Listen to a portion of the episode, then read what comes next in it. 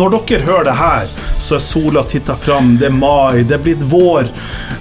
Lyset sin, Eller kanskje det er april fortsatt når det kommer ut? Det, det, det, det her tror jeg du tar munnen for full.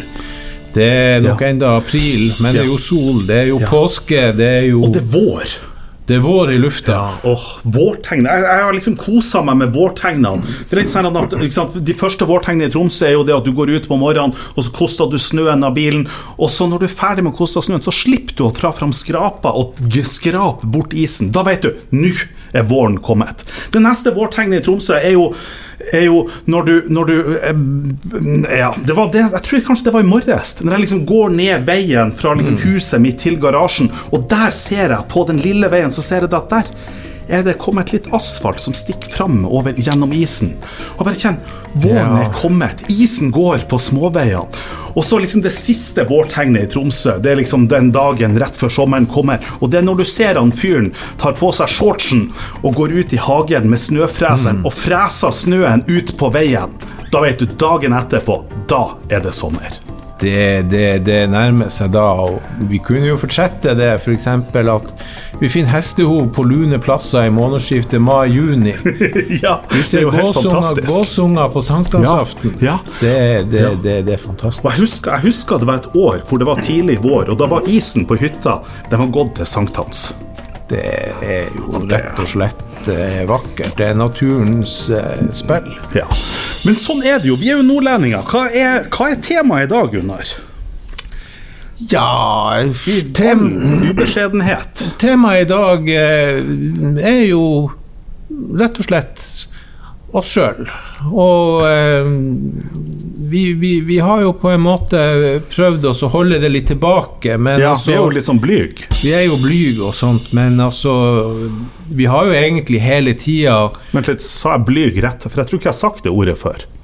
Mm, Ja, nei Fremmedordene får du innestå for sjøl. Jeg er ikke sikker heller på hva blyg er for noe. Om, om det har noe med, med bly eller noe sånt. Men det høres tungt ut. Men eh, i hvert fall eh, vår eh, hele podkasttilværelse har jo vært bygd opp rundt faglige spørsmål og sånt. Og, og vi har jo egentlig ikke tatt oss og kjørt fram oss sjøl som fagpersoner. Eh, Vi har jo liksom bare holdt oss tilbake og, og, og, og forsøkt å, å ha et objektivt ferniss over de tingene vi har presentert.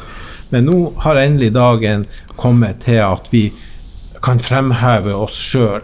Rive plasteret. Ja. Ja. Rive, rive, rive av, av plasteret, og så vise hvor fint og godt sårene gror.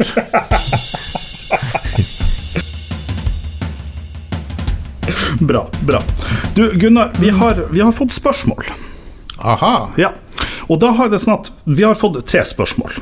Så da tenkte jeg det at da skulle jeg, da skulle jeg liksom lese gjennom de her spørsmålene, og så må, du, må vi da vurdere om vi skal svare på alt eller ingenting, eller hvordan vi skal gjøre.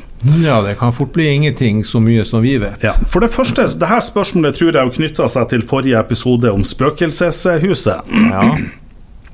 Om spøkelser er ånder, så tror majoriteten av verdens befolkning på en åndeverden. Og de fleste av de kan gi vitnesbyrd om åndelige manifestasjoner.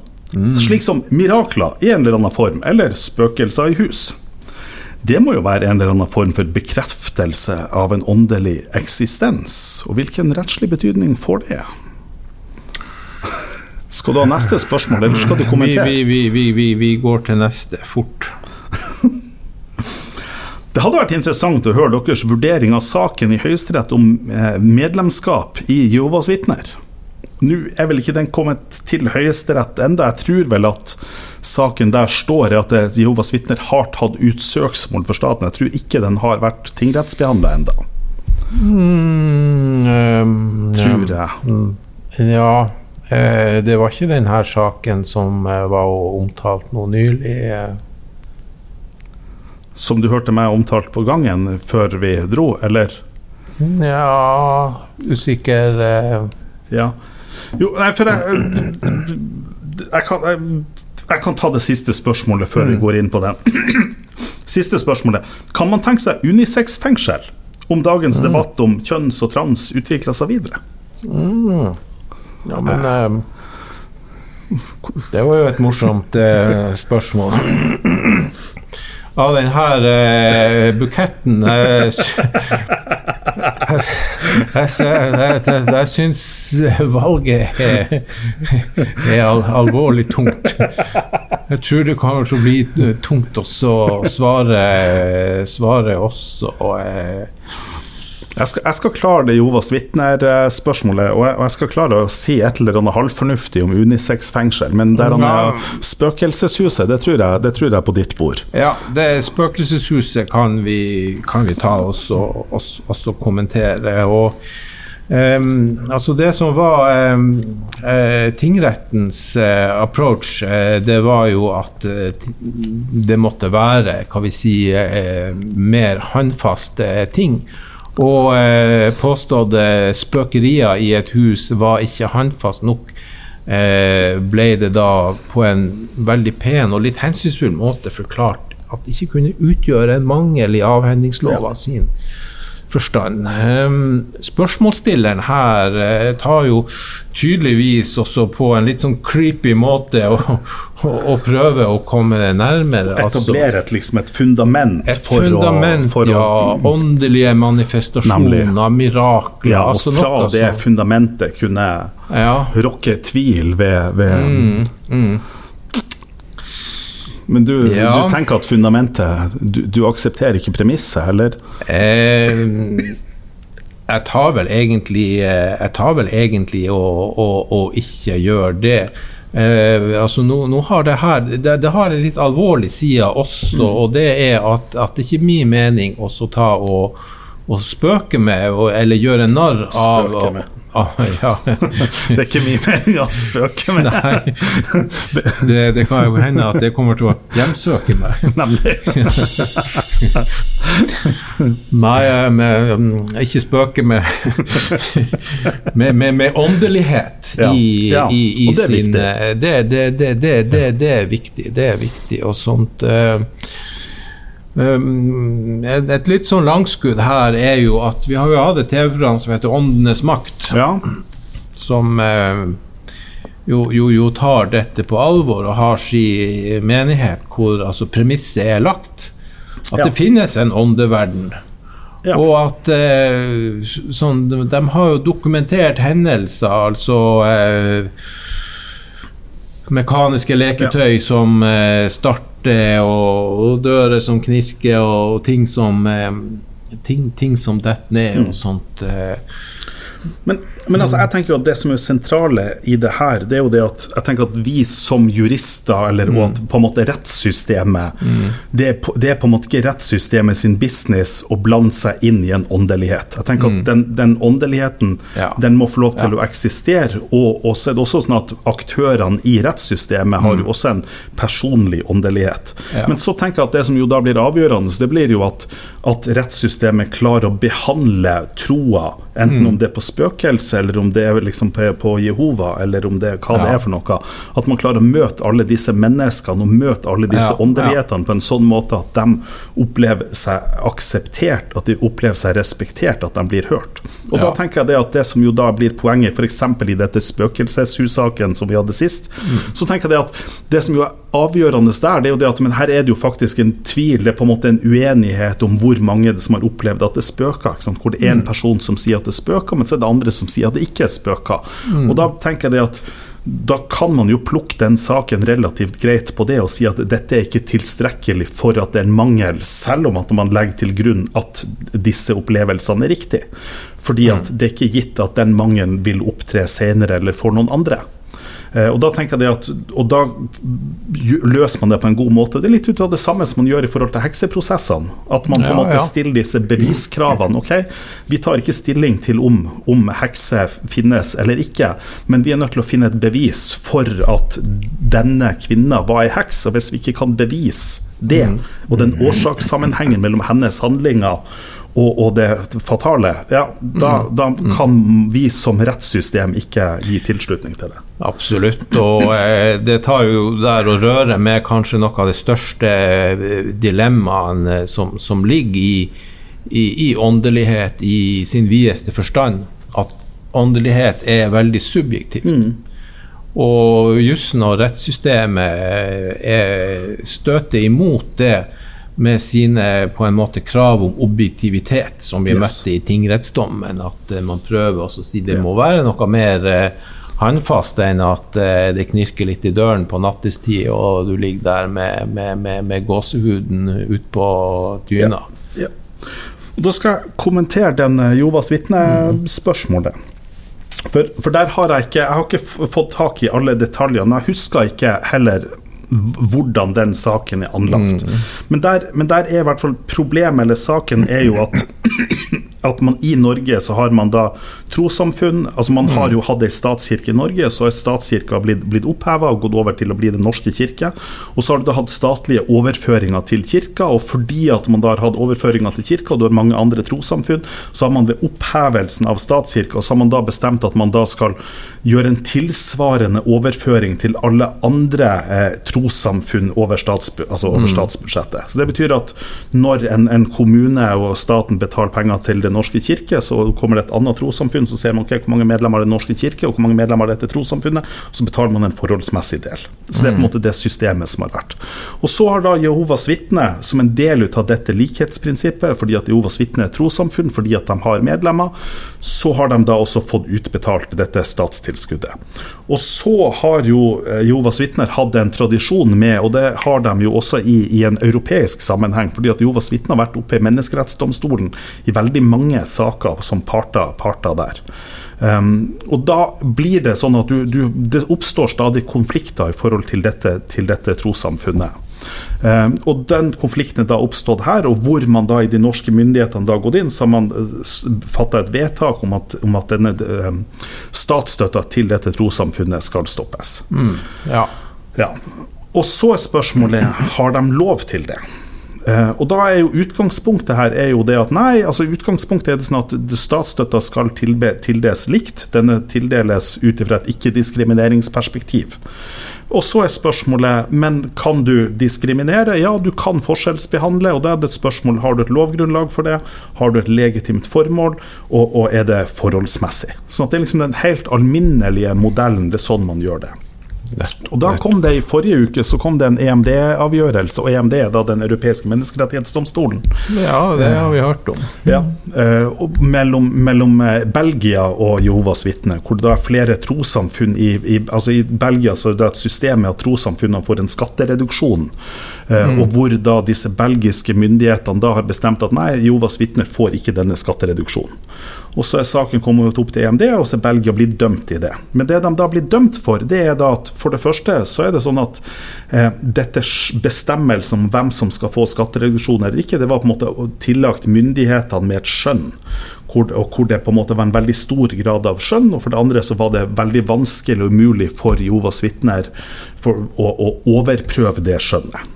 Eh, og fordi at man da sier det, så blir det en for stor grad av vilkårlighet, og da blir det et sånn diskriminering.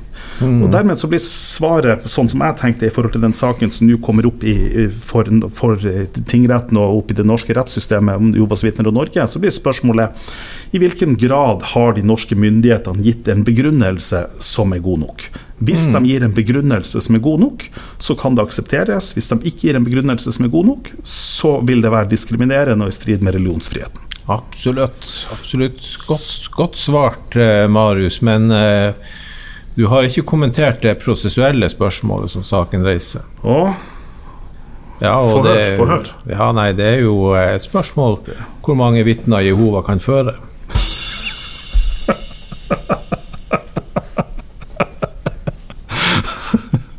det må vel være en parole, det. Det må jo være en, en, en, en, parole. Hva er en parole, forresten? Nei, par Ole, to Ole. Ja. Mm, ja, ja. To, to Ole, ja. Ja. Um, Ole. skal vi ta unisex-fengslene? Vi liker jo alt som har med sex å gjøre, så hvorfor ikke? Ja, og da tenker jeg at Det er vel akkurat det samme, det. Spørsmålet, ja. altså Poenget, med, poenget med, med, fengslene er jo at du skal Altså Poenget med fengslene er at du skal straffe mennesker. Mm. Og, og, dermed så ligger det jo ikke noe i det fengselssystemet i et krav om at det skal være kjønnsdelte fengsel. Nei, det, det skal jo ikke det. er jo men, så man får kjønnsblanding, kan jo bli mer fengslende å sitte inne da. Ja, nemlig. Men så er det klart at det som jo kan være utfordring, det er jo det at man har jo altså mennesker som er frihetsberøvet i et fengsel, de har jo krav på en beskyttelse. Mm. Og så vil det jo være sånn at en, en, en, mann og en kvinne, altså det skjer at menn gjør overgrep mot kvinner, mm. og da kan det tenkes at man, da, at man må ha et system for å beskytte kvinner mot disse overgrepene. Mm. Så er det spørsmål klarer man å gjøre det på en akseptabel måte i et unisex-fengsel. og det tenker at det, det burde man jo vel klare å gjøre. Jeg klarer ikke å se noen store problemer med det her. Det er jo spørsmål om hva som er faglig forsvarlig. Ja, ja. Og eh, altså, det vil jo være en eh, reform. Eh, og altså, Norge har jo har jo eh, vært langt framme når det gjelder fengselsreformer. Og det har jo vært lagd TV-program om eh, de, de, de, norske fengslene, altså hvor man selv i vestlige demokrati eh, sørger for at hengsler ikke er en spesielt hyggelig plass å være. Og så kommer de store og så lager TV-program om norske fengsler med TV på cella og eh, egen dusj. Og så et TV-program eh, hvor det satt et par tyrkere og, eh, som skulle til Norge, og så sa de at nei, altså, det måtte jo være toppen. Og TV og boblebad på rommet i fengslene. Ja, men så er det jo Det gir jo et litt sånn mm. Jeg tenker at det gir, maler jo ikke hele bildet, altså. For det er jo for det er jo for eksempel, så er det jo sånn at de, de, skandinaviske landene Man har jo en vesentlig større grad av isolasjon i fengslene mm. enn det andre, andre, land har. Og f.eks. den der isolasjon ved varetekt og, og, ved på en måte bevistilbud mm. bevis, altså bevi, Etter straffeprosesslovens paragraf 170, tror jeg Nei, nå mm. gjetter jeg på en paragraf her, jeg trekker det mm. tilbake. Men poenget er at vi har veldig mye mer isolasjon enn andre sammenlignbare land mm. eh, på, mm. på varetektsstadiet. Og det er jo et veldig stort inngrep, og som på en måte er et sånn særskandinavisk eh, fenomen, mm. som er på en måte stadig problematisert. Sånn at, sånn at, ja, det norske fengselssystemet og rettssystemet på noen områder er på en måte bedre, men så er det noen andre områder hvor vi ikke kan mm. slås kjempehardt på brystet. og ja mm. være superstolt. Nei, men det er jo, det er jo interessant da, eh, hvordan sånne unisex-fengsler kunne altså påvirke altså det, det, det, det, sosiale livet i ja. fengselet og ja. resosialisering og alt sånt. ja, og det tenker, jeg, det tenker jeg at det er viktig. Jeg tenker mm. at Det er jo en grunn til det. Men så er det jo, klarer man å ivareta beskyttelsen, vernet av kvinner, på en, på en god nok måte. Mm. Eh, for det er klart, du har seksualforbrytere som soner inne i fengsel. Og, mm. Hvordan løser man det? Men så lenge man finner en god måte å løse det på, så tenker jeg at da tror jeg at det kan være bra. Men nå har vi jo hengt og brukt veldig mye tid på det, men det spørsmålet, ja. for den tida den går jo på bekostning av oss, Gunnar. Det går jo på bekostning av oss, og det var jo slett ikke meninga. Så eh, det var egentlig dårlig vurdering å ta opp alle tre spørsmål. Vi skulle egentlig ha diskutert det på forhånd og tatt bare ett av dem. Altså. Ja, men eh, sånn er det, vet du, når eh, det tar å og legges fram et stort fat med bacon, så gir vi oss ikke for det tungt. ja. Men uh, Gunnar, vi, vi, ja. begynner med, vi, begynner med, det fine bildet som du ser framfor deg. Vil du fortelle meg hva det er du ser for noe til jeg, lytterne her? Jeg ser en, uh, jeg ser en stor, svær, avlang plansje, for oss å si det sånn. Ja. og den plansjen den har eh, overskrifta 'Tror du lover bare virker av seg selv'. Ja. Og så er det illustrert eh, rikelig eh, bortover. Ja. Og eh, temaet, det er et av Marius sine yndlingstema, nemlig en pandemi som vi eh, håper og tror er over nå. Ja. Men, men, det er klart at det som, det, det som er temaet her, det er altså når jeg, når jeg gjorde min forskning, sant, når jeg leverte doktorgraden min, så konkluderer jeg i doktorgraden min at det store og systematiske avvik mellom fungerende rett og gjeldende rett. Mm. Altså Det jeg sier, det er det at i, i, eh, Og dette var i psykisk helsevern Så det jeg da sier i, i, i konklusjonen i doktorgraden min, det er det, at, det er det at disse lovene og disse rettsreglene som jeg mener en domstol vil tolke seg fram til, og det som skjer på gulvet inne i en psykiatrisk avdeling, at det er store og systematiske avvik mellom de her. Altså Du har en praksis for noe som skjer i den virkelige verden, og så har du en annen praksis hvordan domstolene vil vurdere dette. Og Da har, har man jo da inne på, sånn, på, på rettssosiologien. Og da er det jo mm, rettssosiologien, de spørsmålene der er, er hva er det som gjør at retten virker? Og dermed så etter, etter, at jeg hadde gjort det her, så begynner jeg på en måte å se på okay, men hva, hva er det som gjør at lovene virker? Så prøver jeg å spørre ok, vi, vi har dette rettssystemet, jeg har på en måte kommet fram til denne konklusjonen. Men hvorfor har vi egentlig alle de lovene om menneskerettigheter? Hvorfor har vi alle de prinsippene? Hvorfor har vi, hvorfor har vi regler om, om krigsforbrytelser når det ikke ja. følges? Hva er sammenhengen mellom jussen og realiteten?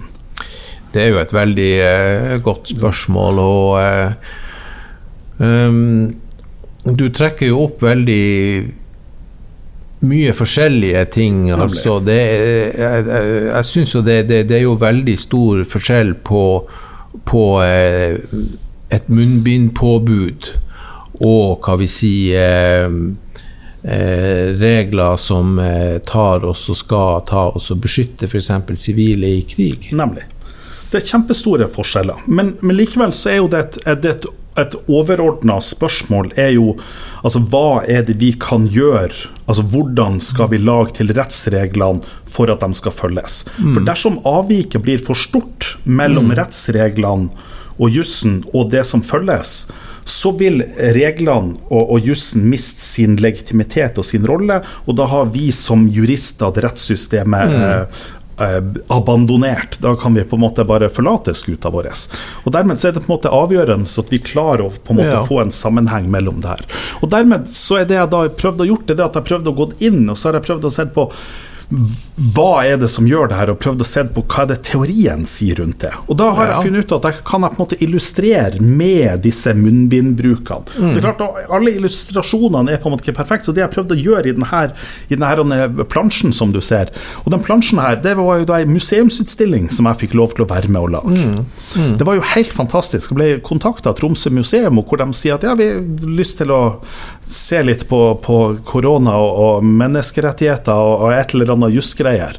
Og så satt jeg på en måte og jobba i, i, fjor sommer sammen med tre kjempedyktige mennesker. Han Per Helge Nylund og Kristel Slettli og han Bjørn Hatteng. Vi, det er vi som på en måte sammen har laga det her. Mm. Og, det, og, den prosessen med å på en måte jobbe sammen med altså formidlere og grafikere, og hvor jeg kommer inn med det faget, og hvor vi får det liksom spissa fram, og, og, hvor, og, hvor, jeg tenker at ja, men nå er det klart, nå skjønner alt. Og så kommer jo Kristel og så sier hun det at ja, men Marius, jeg skjønner ikke det her. Og så mm. skjønner jeg ikke hvorfor hun skjønner det, og så spør hun en gang til, og så skjønner jeg at ja, men det her er jo helt ulogisk. Her, her har jeg bomma. Ja, men det er jo en veldig grafisk framstilling, det her. Vi må jo få lagt ut et bilde av den. og sånt. Det kan jo ikke formidles, det må jo ses på en måte.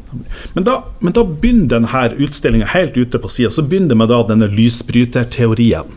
Og da er det sånn at altså Hvis man tror lover bare virker av seg sjøl, er det sånn at når Stortinget bare vedtar en lov, at de bare er som å slå på en lysbryter, og poff, så slår lyset seg på.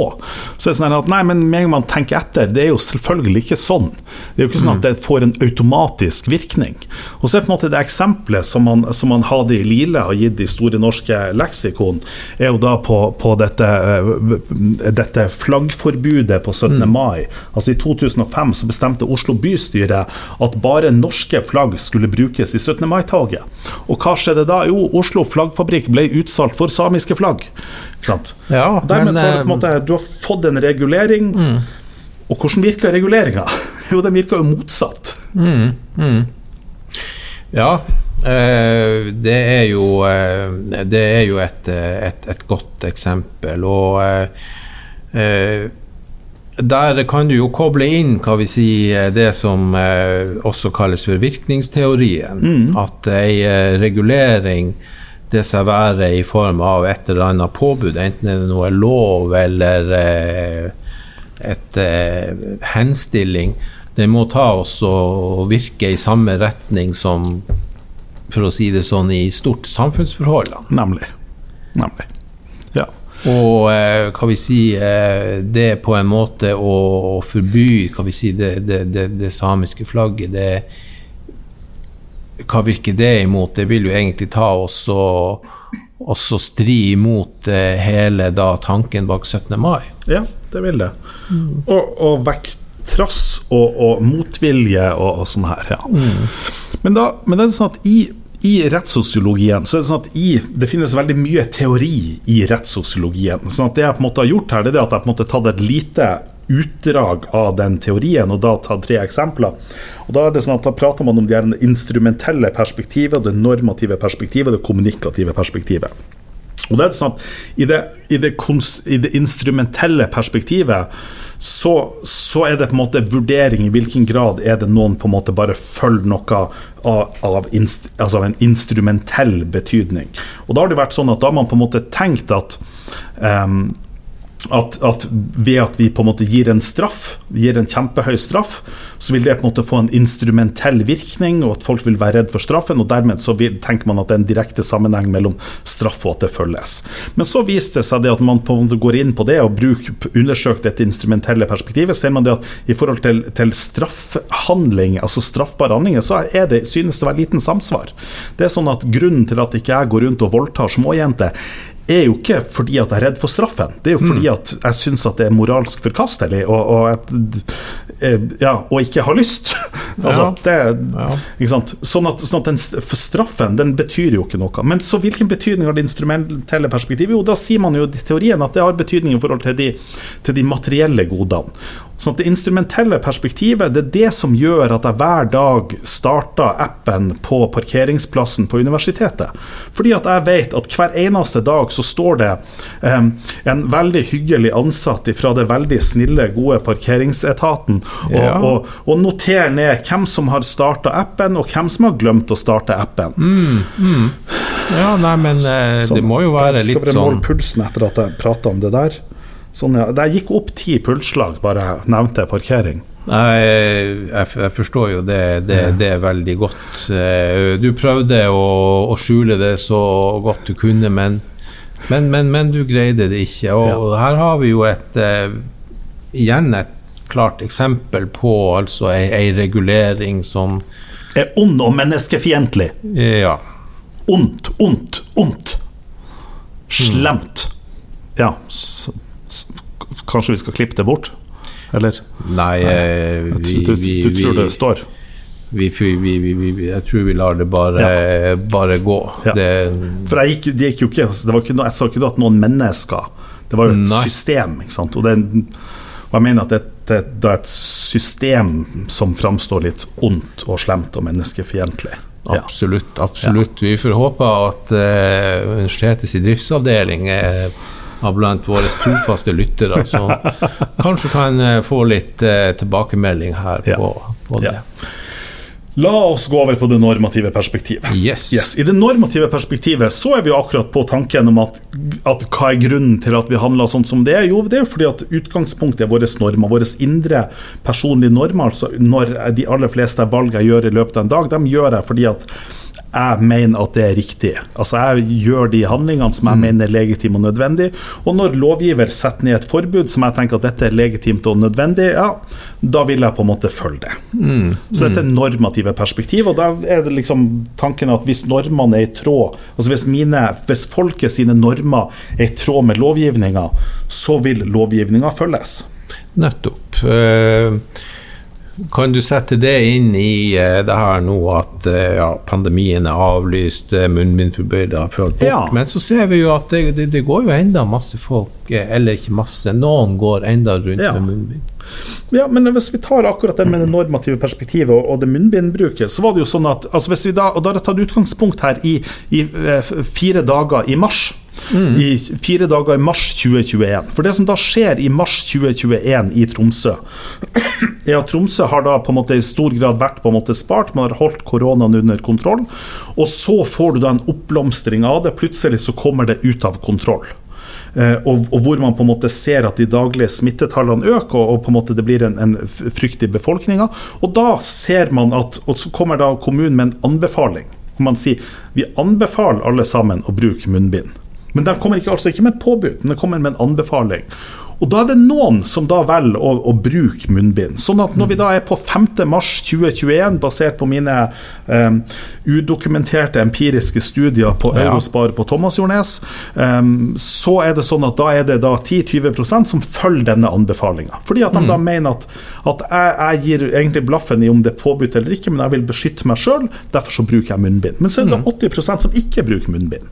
Mm. Um, og, og, hva er det som da skjer? Hvorfor gjør de ikke det? Jo, fordi at de tenker at ja, dette er jo bare en anbefaling, det er ikke et påbud. Mm. Myndighetene mm. mener ikke at det er så viktig.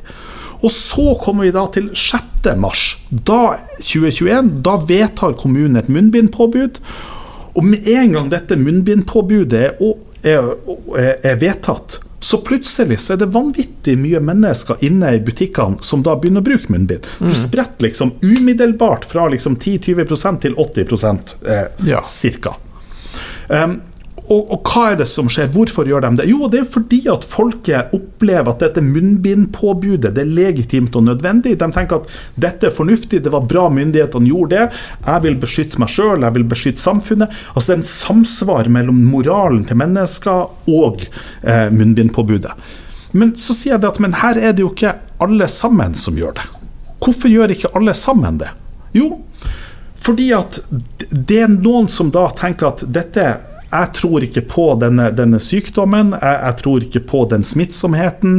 Jeg ønsker ikke å bruke det, eller, eller jeg, har, jeg, har ikke, jeg, har, ikke, fått det, eller jeg har vært gjennom det. Det kan mange mm. ulike grunner. Men hva er det som da skjer? Altså Den 7. mars er det 80% men den 8. mars så øker antallet. Hvorfor øker antallet? Og da er det det kommunikative perspektivet som mm. forklarer det. Og da sier man som så at at Eksempelet på det er at altså man sier at, at atferden endres når vi ser hvordan resten av samfunnet retter seg etter loven. Mm. Altså, og det Eksempelet på det det er jo det at høyrekjøringa i Sverige. Ja. Når man da hadde i 1967 bytta over til, til høyrekjøring, så var det sånn at 80 av svenskene de var imot endringa. Men likevel så fulgte de loven, selv om at de var imot det. Og det var jo fordi at det var en, en både en instrumentell effekt, altså at det var en, det var en ganske uh, tydelig materiell effekt dersom man uh, materiell og fysisk effekt ja. dersom man brøyt høyrekjøringsregelen. Ja. Men, men, det andre var jo, at, var jo at hver dag man satte seg inn i bilen, så ser man hvordan trafikken går, man blir påminnet av det. Og, og den på en måte en veldig effektiv kommunikasjonsform. Ja, ja, ja. Men uh, ei side som du kanskje ikke har vært så mye inn på her, uh, i hvert fall når det gjelder uh, munnbind Høyrekjøringa, er jo greit nok. Tar du ikke følge opp der, så sier du jo pang, og man kan jo våkne i morgen og være død. Men munnbindforbudet, det som slo meg med det, var jo at sanksjonssida der den var jo heller ullen. Men ja, det, det.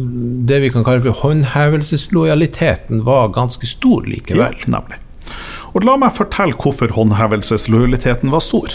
Fordi mm. at jeg var da han slasken mm. som dro inn på Eurospar på Thomasjordnes den 7. mars på kvelden. Mm. For jeg hadde lest forskrifta, og forskrifta sa at hvis man ikke kan holde seg én meter unna noen, så må man på en måte Og så tenker jeg at jeg sitter her i bilen og så tenker jeg at jeg har ikke et munnbind i bilen. Ja. Um, jeg må handle noe greier. Um, hvor nøye kan det her være? Så leser jeg forskrift så tenker jeg ja, hvis jeg, så lenge som jeg klarer å bare holde meg én meter unna alle menneskene inne i denne butikken, så bryter ikke jeg forskrifta.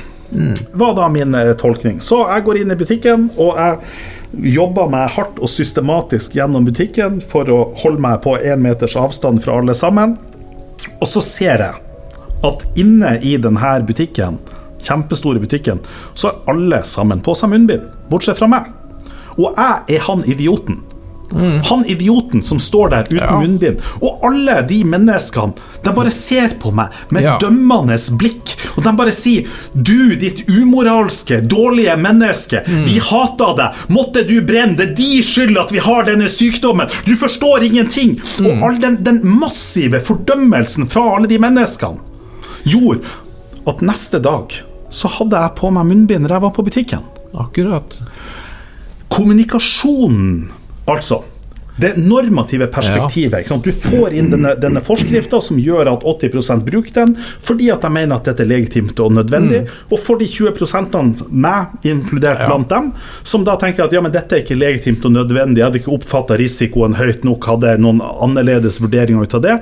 For meg så var det underordna, fordi at det mm. kom en Og hva er formuleringa her? Altså, atferden endres når vi ser hvordan resten av samfunnet endrer seg etter loven. Ja. Så når jeg så hvordan alle de andre endra seg etter loven, så kommuniserer ikke loven, men det er menneskene i samfunnet som kommuniserer til meg om hvilke forventninger de har til meg. Ja, ja, ja. Det er jo veldig interessant. Og, og eh, munnbindsaken, altså, den tar jo uh, Historien din er jo interessant. For det som jo, jo, er poenget her, det er jo at, at munnbindet er svært visuelt. Nemlig. Og med å bruke det, så har du en visuell etterlevelse. Du yes. har en bekreftelse. Yes. Og sånt. Eh, og, og på kvelden der på Thomasjordnes så, så kunne du jo tatt og stabla opp to melkekasser en sentral plass i butikken, og så kunne du ha ropt ut med, med din mannfulle stemme, som jo høres godt, det vet vi jo. og så kunne du sagt 'Hør her at jeg er Marius Storvik, og jeg er jurist. Nå skal jeg fortelle dere noe. Hvordan eh, disse, denne her eh, forskriften. forskriften skal tolkes. Ja, det kunne jeg gjort. og sånt. Og hør alle sammen, én meter er nok. Nemlig. Kunne jeg oppretta et speakers corner i melkehjørnet? Ja, kunne det. og og, og, tenk på alle med kols og astma som har hard times bak det her eh, pustehinderet. Ikke sant? Ikke sant? Ikke minst det og sånt. Og, og eh, så lenge vi holder sånn Men altså, sånn, sånn, sånn, funker det jo ikke. Altså, du, de ville ha ringt politiet og sånt og sagt eh, legg han her i belteseng en stund. Ja, det Sånn apropos liksom avvik mellom ja. fungerende rett og gjeldende ja, ja, rett. Nemlig. Men, men, det som, men, det som, er interessant Det som er interessant hvis vi på en måte tar det her, For da har jeg på en måte forklart at sant, noen, hvordan vi kan forklare en atferd. Altså at, at, For det første så var det sånn at at det var bare 20% som tok på seg munnbindene, eh, selv om at man mente at dette var riktig. Mens når det kom et påbud, det kom en regulering, så øker antallet. Og fordi at dette rent faktisk følges, så får du en videre økning derifra. Men så er det som da skjer, er at, er at først den, denne, dette munnbindpåbudet i Tromsø det står da fast fra 6.3.2021 til 16.4.2021. Men allerede etter ei uke med dette munnbindpåbudet, så dar de her uh, koronaratene og dropper, hvor det på en måte man kommer seg ut av denne bølgen, og, og hvor, hvor, det på en måte plutselig er, er, er, trygt. Det er plutselig ikke korona i Tromsø på det her tidspunktet. Men likevel, selv om at det ikke er korona i Tromsø, så oppretter opprettholdes munnbindpåbudet. Mm. Så da er spørsmålet hvorfor slutta vi å bruke munnbind? Og da er det jo sånn at, at den, det, Ut ifra dette normative perspektivet, mm. så vil det være noen som da har begynt å få de første vaksinene eller hatt korona, som tenker jeg trenger ikke dette munnbindet. Mm, og dermed ja. så, Selv om at det er et munnbindpåbud, så tenkte de at, at, det oppleves ikke legitimt og nødvendig for meg å bruke dette munnbindet. Dermed så lar de være å bruke det. Nettopp. Så da er regelen etter tredje stikk tåler jeg fordømmende blikk. Nemlig. Nemlig. Men så når de da kommer inn og begynner å slutte Så Når jeg da kommer inn på Eurospar og har opplevd denne mm. grusomme fordømmelsen, så ser jeg Hei, hei, vent litt. Nå har folk slutta å bruke munnbind. Og sett at jeg da ikke hadde gjennomgått en læring og fått en forståelse mm. for nødvendigheten ut av det her, sett at jeg bare hadde gjort dette um, fordi at jeg ønsker å, å, ikke, å, unngå samfunnets fordømmelse, så tenker jeg ja, men når, når de andre her har begynt å ikke gjøre det, så vil jeg ikke oppleve den fordømmelsen, så vil jeg også slutte å bruke den. Mm. Og når jeg slutter å bruke den, så er det flere som vil si at okay, men her er det ikke så nødvendig å bruke den. Og Dermed så ser man det at men, antall mennesker som bruker munnbind, synker ned.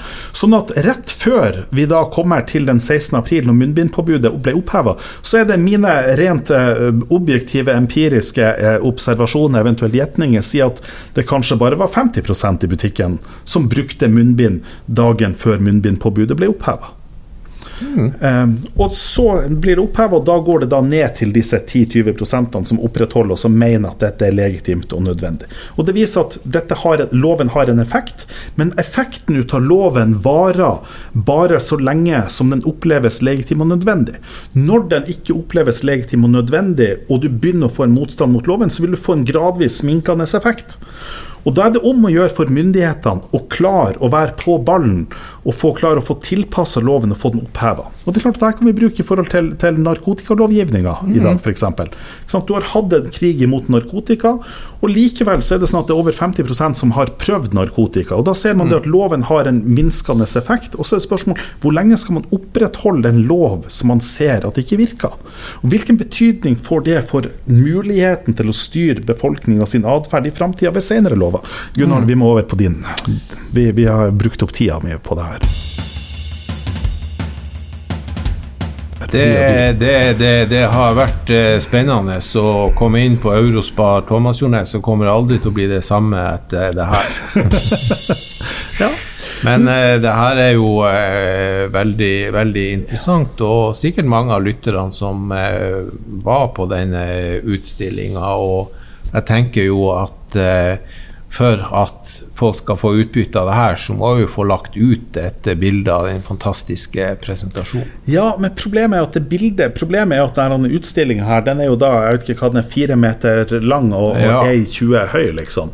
Og dermed så er det sånn at det bildet har ut av den her, for jeg har den digitalt, men det er jo i et format som er du, du får det liksom ikke opp på, på et mm. fornuftig format. Så jeg, jeg vet ikke hvordan vi skal gjøre det. Men vi, får, vi, prøver å ta et bilde, i hvert fall. Ja, vi prøver å ta et bilde. Det må være mulig å ta et bilde, ja. og så kan jo folk ta oss og Send meg en e-post hvis de vil ja, ha den digitale. Ja, eller forstørre opp eh, sånn bit for bit og lese seg gjennom. Mm. Nei, men uh, vi skulle snakke om uh, min sak. Jeg kjenner den så uh, godt at det kan jo gjøres på en rasjonell måte. Og det vi skal snakke om Jeg er veldig glad når ting kan gjøres på en rasjonell måte. ja, det er ingenting som er bedre enn det. Vi eh, skal snakke om eh, hardcore tingsrett, som jo er mitt eh, da. Og eh, saken er en lokal sak som sikkert mange kjenner, nemlig tvisten om Trollvassbu. Ja, ja. Og den tror jeg vel vi har prata om i tingrettsdommen. Ja. Lurer jeg på. Så hvordan er det gått? Det som eh, har eh, skjedd Eller har vi ikke snakka Nå ble jeg i tvil på om vi har snakka om det. Kanskje vi ikke har ja. snakka om den?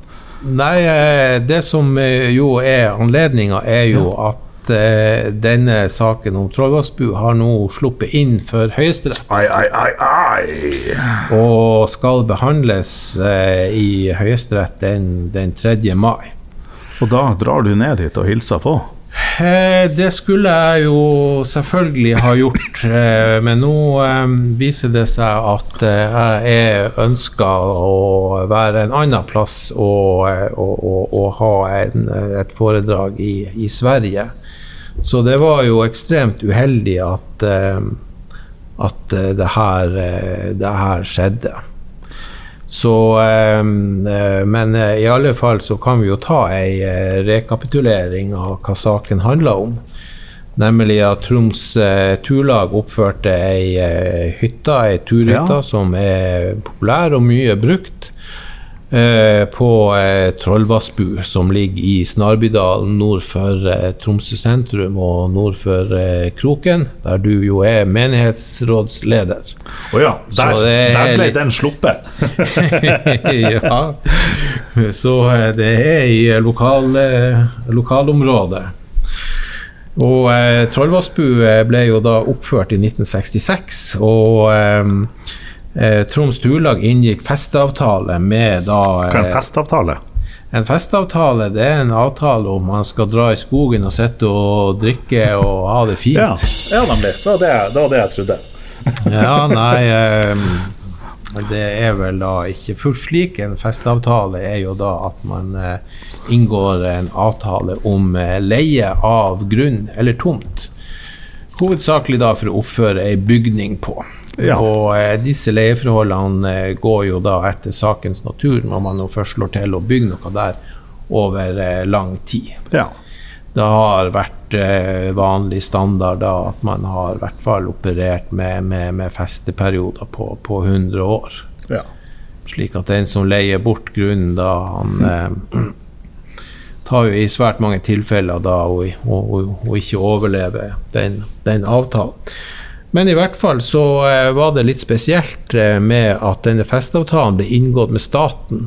Men staten tok forbehold i kontrakten om at eh, eiendomsforholdene var uklare i området der Trollvassbu lå, og at det kanskje ikke var sikkert at staten var eier allikevel. For å utgreie om staten var eier, så ble det nedsatt et utvalg som bare heter Nord-Norge-utvalget.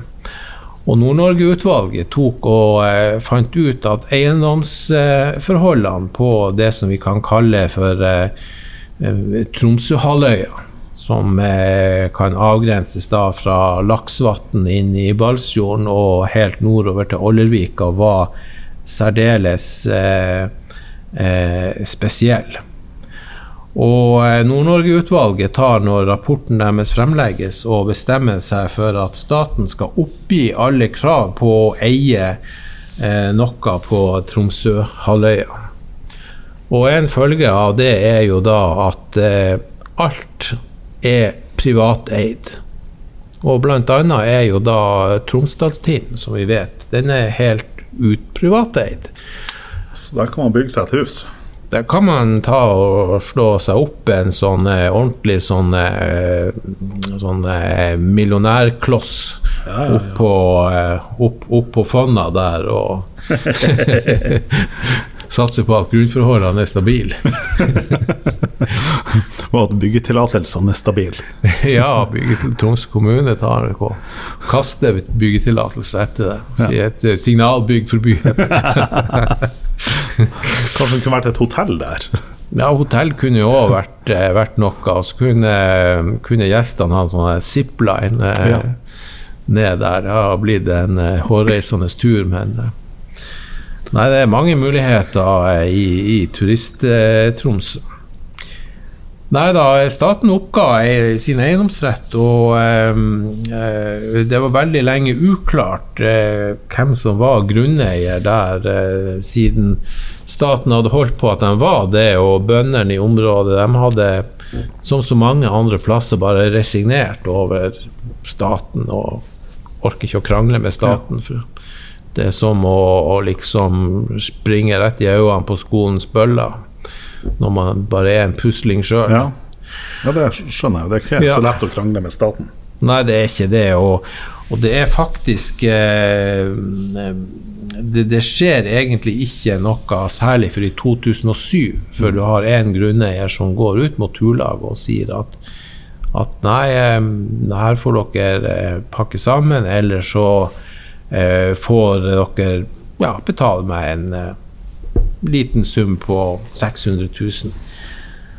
Og um, i 2017 tar nåværende grunneier og kjøper det her området, som jo er på 4600 eh, mål.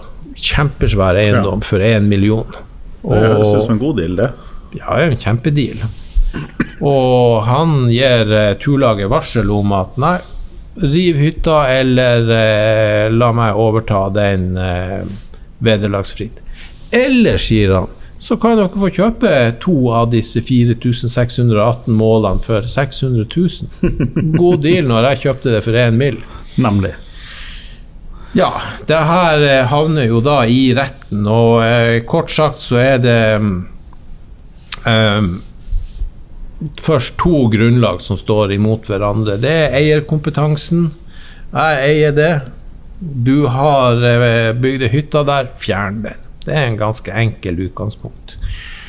Senere så eh, tar jo da og eh, eieren, grunneieren og påberoper seg lov om hendelige eiendomshøv, paragraf 8, som sier at det som er bygd på fremmed eiendom, tilfaller grunneieren, men mot et rimelig vederlag til den som har bygd. Rimelig vederlag til dem som har bygd. Ja. Og de som eh, har bygd Troms Turlag, de tar og så eh, finner en artikkel skrevet av Ja, lille meg. Og den artikkelen fra Jussens venner, den heter 'Byggverk på fremmed grunn'. Og i den artikkelen, Marius, så tar jeg da og har en agenda, og det er å argumentere at nabolovens paragraf 11, som sier at hvis du tar og så bygger litt av bygninga di inn på naboeiendommen, så kan du få lov å ha den stående der, så fremt at det er ikke så mye å klandre deg. Men at du, Ja. mot, at du betaler et lite vederlag da til grunneieren. Ja. Og hvis bygninga di eh, rives eller forsvinner, så tar liksom eieren og får tilbake eh, eiendommen sin som den, som den var. Og det jeg gjør der, det er å argumentere for en analogi. At her er det veldig nærliggende å anvende regelen også der du ikke bare bygger en bit av bygget, men hele bygget inn på fremmed eiendom. Ha. Og um, denne, hva vi si, analogien, det tar faktisk både tingretten og lagmannsretten og har veldig stor sans for. Nice. Det er vakkert å lese dommen. Så du har liksom bare sittet inne på kontoret ditt og bare fundert ut et problem og en løsning, og plutselig så dukker problemet opp i den virkelige verden. Den gjør det. Så det, deilig! Det er som et eh, eventyr. Gunnar, det, du er ei stjerne. det er det. Det her er min sound of music. Jeg er Maria von Trapp. Du, du, det, det, er, det der er kjempegøy. Det er, det, det, det er så gøy som det. Du kan si at eh, liksom den våteste drømmen til en eh, rettsforsker, det er jo da å liksom skinne i Høyesterett, og Høyesterett sier du har tenkt rett. Ja. Løsninga di er god. Du Veltalt er gode forsker. Ja. Forskninga di har, har kommet til nytte. Altså Som jusforskere og sånt, altså det står jo ikke noen nobelpriser å vente på. Så ingen nobelpris i juss hvor vi kan stå og, og høre dundrende eh, applaus.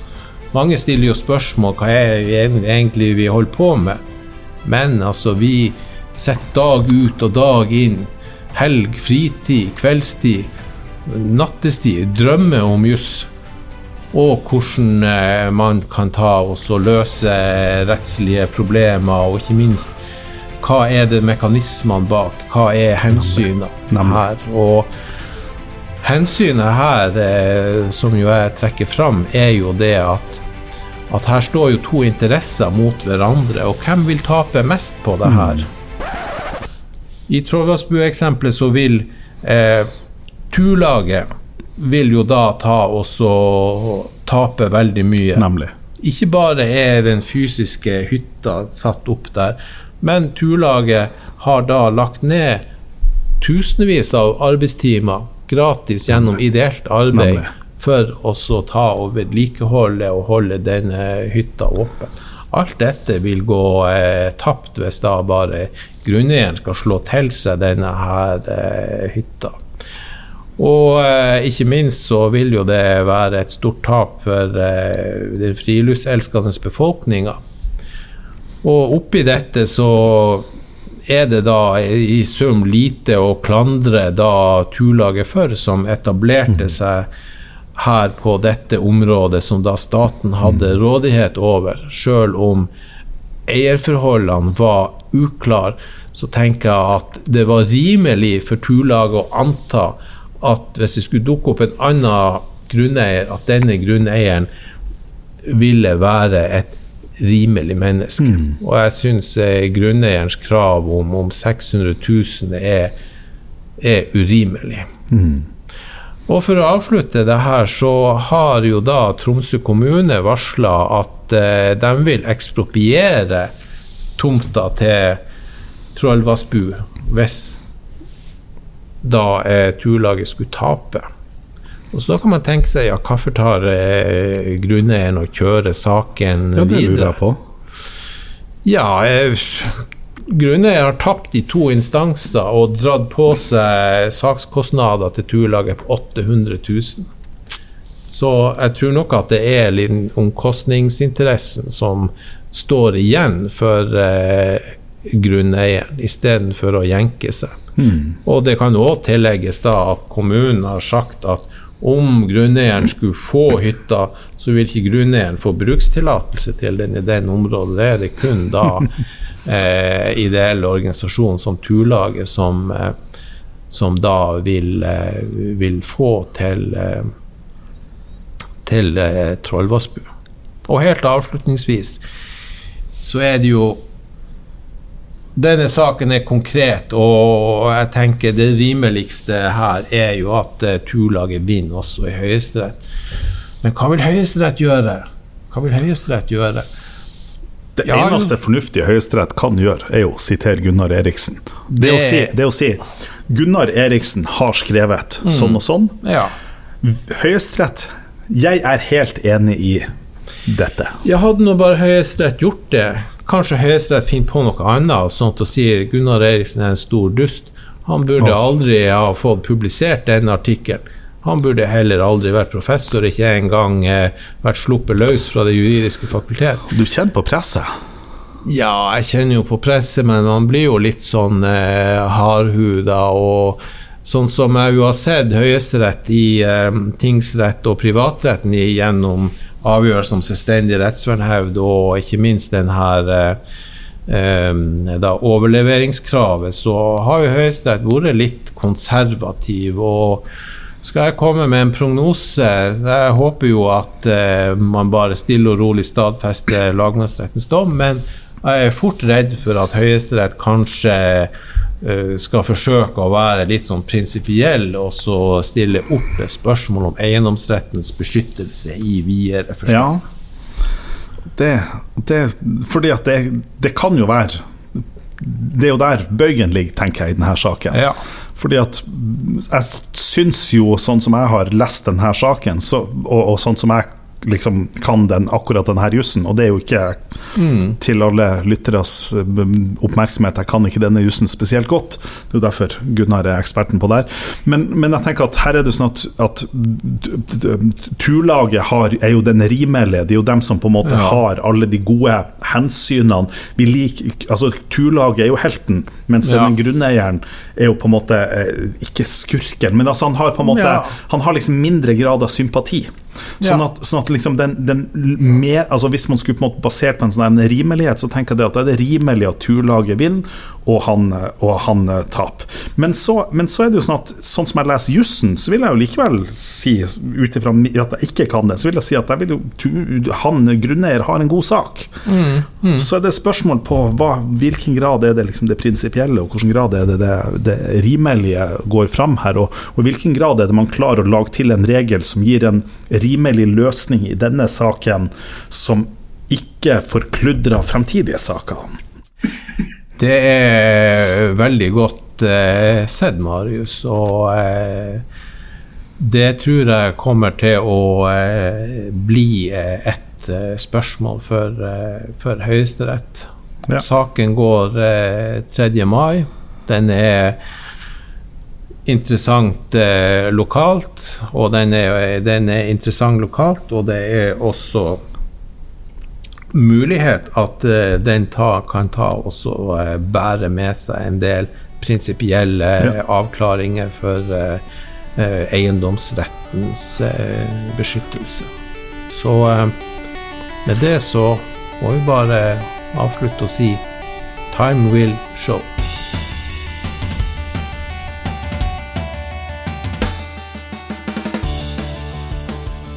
Podkasten Just og Joss produseres i samarbeid med Result på Universitetet i Tromsø.